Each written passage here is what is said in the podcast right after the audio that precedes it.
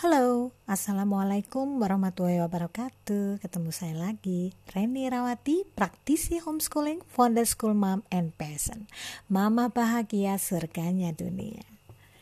Masih tetap stay at home kan, marah mama papa?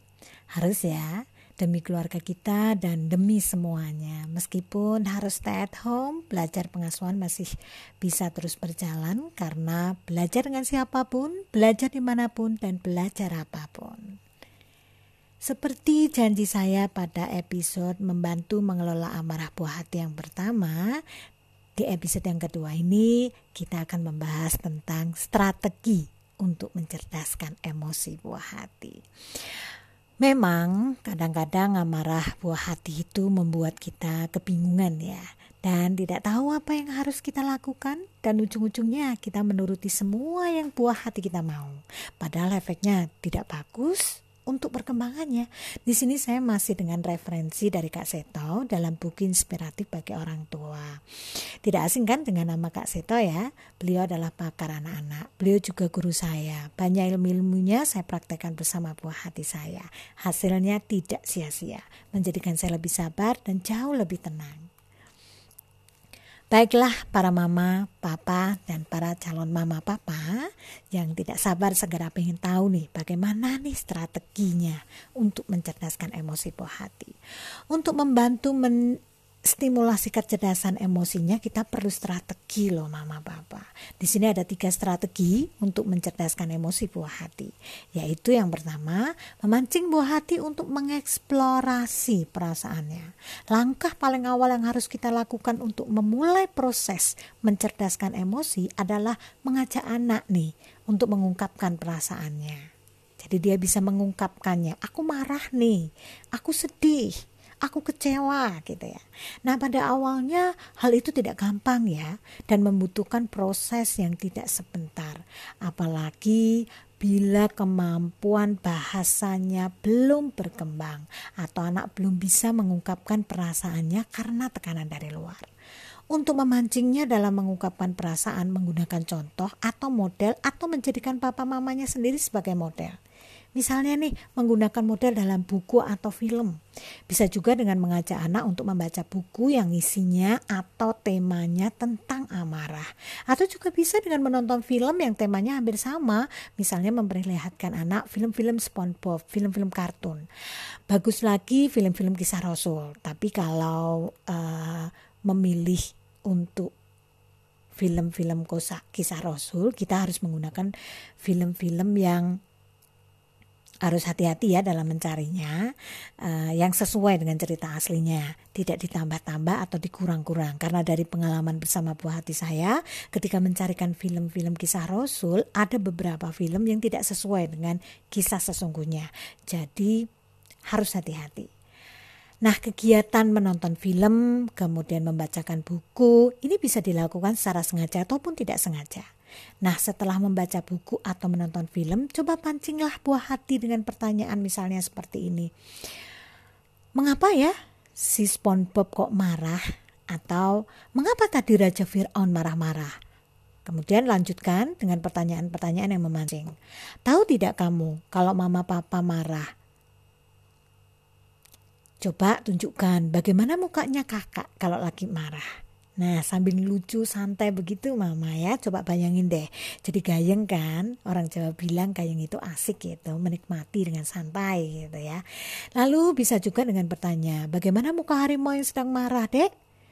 Kalau kucing bagaimana? Kalau ular? Dan seterusnya. Bisa juga dengan begini. Pernah nggak bapak ibu guru di sekolah marah? Bagaimana muka ibu guru, bapak guru kalau lagi marah? Nah, percakapan ini dapat terus dikembangkan mama papa. Percakapan ini ringan kan ya? Memang buah hati untuk mengeksplorasi perasaan selain dengan buku cerita atau film juga bisa dengan menggunakan kejadian yang dialami orang lain atau teman. Ketika si kecil menceritakan suatu kejadian atau kebetulan bersama mama papa melihat orang yang sedang marah. Nah, percakapan untuk memancing anak mengeksplorasi perasaan dapat spontan dilakukan loh. Misalnya seperti ini. Eh, kenapa tadi ya si Bella? Kira-kira dia tadi marah atau tidak ya? Dari mana kamu tahu kalau dia marah? Kamu juga begitu tidak kalau marah? Itu tadi contoh-contoh pertanyaan yang bisa digunakan untuk memancing anak, untuk memancing buah hati kita, untuk mengeksplorasi perasaannya. Bisa juga dengan menggunakan uh, orang tua nih sebagai modelnya. Seperti episode yang kita yang pertama kemarin ya prinsip-prinsip mengelola emosi salah satunya orang tua sebagai modal masih ingat kan ya? Nah orang tua dapat memulai percakapan ringan untuk memancing anak mengeksplorasikan perasaan dengan menceritakan kejadian-kejadian yang dialaminya. Baik nyata ataupun direkayasa. Misalnya saja Dek, tadi papa nyaris terjatuh loh dari motor, lalu papa marah. Marah dengan orang yang menyinggol papa. Adik pernah marah tidak? Bagaimana kalau kakak adik marah? Coba tunjukkan mukanya. Muka marahmu. Sambil lucu gitu, ringan kan? Santai. Kalau papa itu marah, jantung papa itu berdegup, dek, bersuara. Dak, dik, duk. Nafas papa ngos-ngosan seperti orang berlari kencang. Kalau adik bagaimana? Dan seterusnya percakapan uh, yang seperti itu bisa dikembangkan. Hal itu bisa menstimulasi, bisa merangsang anak mengeksplorasi perasaan. Cukup gampang kan ya? Nah, mama papa, yang kedua nih dalam membantu anak mencerdaskan emosi adalah membantu buah hati memahami perasaannya. Hal ini membantu untuk memahami penyebab timbulnya perasaan itu. Jadi memberi bantuan kepada buah hati untuk mencari dan memahami sebab marahnya. Namun kita sebagai orang tua jangan menunjukkan kepada anak jawabannya, melainkan tunjukkan jalannya. Dan hal ini fungsinya nanti akan membantu buah hati untuk mengerti berbagai kejadian. Dia akan mengerti harapan-harapan akan sesuatu. Dia juga bisa mengerti cita-citanya dan minatnya. Luar biasa kan ya uh, hasilnya apabila buah hati itu memahami perasaannya. Bisa dibawa sampai besar. Misalnya saja membangkitkan keinginan buah hati untuk mengeksplorasi, menceritakan yang mirip ke, uh, kejadiannya. Misalnya seperti ini. Kemarin papa kehilangan buku papa di jalan loh dek. Aduh papa marah sekali sampai jantung deg-degan. Karena marah papa banting tas papa. Ada juga pernah marah kan? Kemarin ada juga membanting mainan. Mengapa? Contoh dialog itu membantu anak, membantu buah hati kita melakukan logika yang terus-menerus dan mengkomunikasi dapat terjadi dua arah. Apabila kita selalu memberikan jawabannya, maka anak hanya mendengarkan petua saja, sehingga pesan kita pun mudah terlupakan. Memang perasaan marah merupakan emosi kuat dan sulit untuk diatasi. Kadang anak tidak bisa mengekspresikan kemarahannya karena ada anggapan bahwa seorang anak tidak boleh marah, terutama orang yang lebih tua. Dan di sini yang ketiga nih, Mama Papa dalam kita membantu mencerdaskan emosi buah hati yaitu membantu buah hati mengekspresikan amarah dan mengendalikannya kita merasa marah kadang anak itu bingung ya untuk mengekspresikannya. Mau ngapain nih? Apa nih yang aku rasakan nih? Nah, mungkin dalam hati anak begitu ya. Tahu-tahu ngamuk itu aja. Nah, ada juga anak yang terlalu mendapat kebebasan untuk mengungkapkan amarahnya dan selalu dia itu selalu dimengerti sehingga sukar untuk mengendalikannya. Misalnya anak marah dengan ngamuk atau marahnya mukul-mukul berguling-guling nih di pusat perbelanjaan karena meminta dibelikan sesuatu kepada mama papanya. Hal ini menurut Dr. Elizabeth Harlock mengendalikan emosi sangatlah penting. Jika mama papa menginginkan buah hatinya mampu berkembang secara normal, nah bantulah buah hati untuk mengendalikan emosinya. Ada dua alasan nih mengapa mengendalikan emosi itu penting untuk buah hati kita. Buah hati kita akan mempelajari ekspresi emosi yang dapat diterima oleh kelompok bergaulnya dan mana yang tidak diterima oleh kelompok bergaulnya. Dan nanti buah hati kita hanya akan menampilkan ekspresi marah yang diterima oleh kelompoknya. Dan yang kedua, pola ekspresi emosi termasuk amarah yang telah dipelajari oleh buah hati kita sejak kecil. Semakin dini nih anak belajar mengendalikan dirinya, semakin mudah pula ia mengendalikan emosinya di masa yang akan datang. Luar biasa ya. Nah, setelah mama dan papa mampu membantu buah hati mengerti tentang perasaannya, langkah selanjutnya menyelipkan nasihat kita kepada buah hati. Dengan cara seperti ini nih misalnya mama papa. Ajak buah hati untuk mengingat tokoh film yang pernah dia tonton atau yang pernah kita ceritakan di saat ia marah secara negatif. Jadi misalnya Bu Hati menonton film kisah Rasul yang menunjukkan kemarahan yang negatif di film tersebut atau film kartun SpongeBob yang lagi marah. Ingatkan tokoh film itu.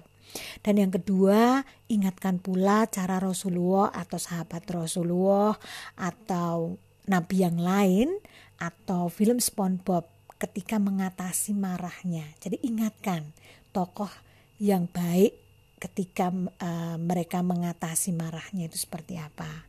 Misalnya dengan berkata begini, eh dek masih ingat tidak dengan film kita uh, kisah Rasulullah kemarin?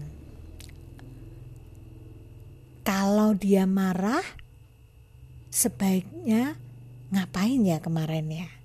Ketika nonton film SpongeBob, uh, dia marah sebaiknya ngapain ya kemarin? Terus bantu buah hati untuk mengekspresikan dan mengendalikan amarahnya. Sebab mengendalikan emosi adalah hal yang amat sulit dilakukan oleh buah hati. Ajarkan juga cara positif lain untuk mengendalikan amarahnya, misalnya dengan menggambar, mencoret-coret kertas, mewarnai gambar, atau menunjukkan uh, untuk menunjukkan kemarahannya boleh loh dek kalau itu marah, kalau kita marah itu menggambar, mencoret kertas, merobek-robek kertas dan membuang jauh-jauh. Boleh juga loh. Dan bagus lagi ajarkan anak untuk melakukan relaksasi. Relaksasi seperti menghela nafas panjang dan mengembuskannya di saat kemarahannya memuncak. Lalu membaca ta'awud atau membaca doa. Tunjukkan pula pada buah hati bahwa kita akan siap dan rela mendengarkan keluhan saat marah sepanjang dia mengekspresikan marahnya dengan cara yang positif. Aristoteles pernah menuliskan, semua orang bisa marah, hal itu mudah saja. Namun marah kepada orang yang tepat dengan tingkat kemarahan yang tepat di saat yang tepat dengan tujuan yang tepat dan dengan cara yang tepat. Tidaklah mudah. Nah, demikian nih strategi untuk mencerdaskan emosi buah hati kita, Bunda, eh, eh mama, papa, bunda, ayah, ya strategi untuk mencerdaskan emosi buah hati. Yang pertama apa tadi ya? Memancing buah hati untuk mengeksplorasi perasaannya. Yang kedua membantu buah hati untuk memahami perasaannya. Yang ketiga membantu buah hati mengekspresikan amarah dan mengendalikannya. Tidak sukar bukan? Semoga bisa menambah ilmu pengasuhan para mama papa dan para calon mama papa. Dan ayah bunda Selamat mempraktekannya. Bertemu lagi pada episode yang ketiga dalam membantu buah hati mengelola amarahnya di tema manfaat mengendalikan amarah buah hati.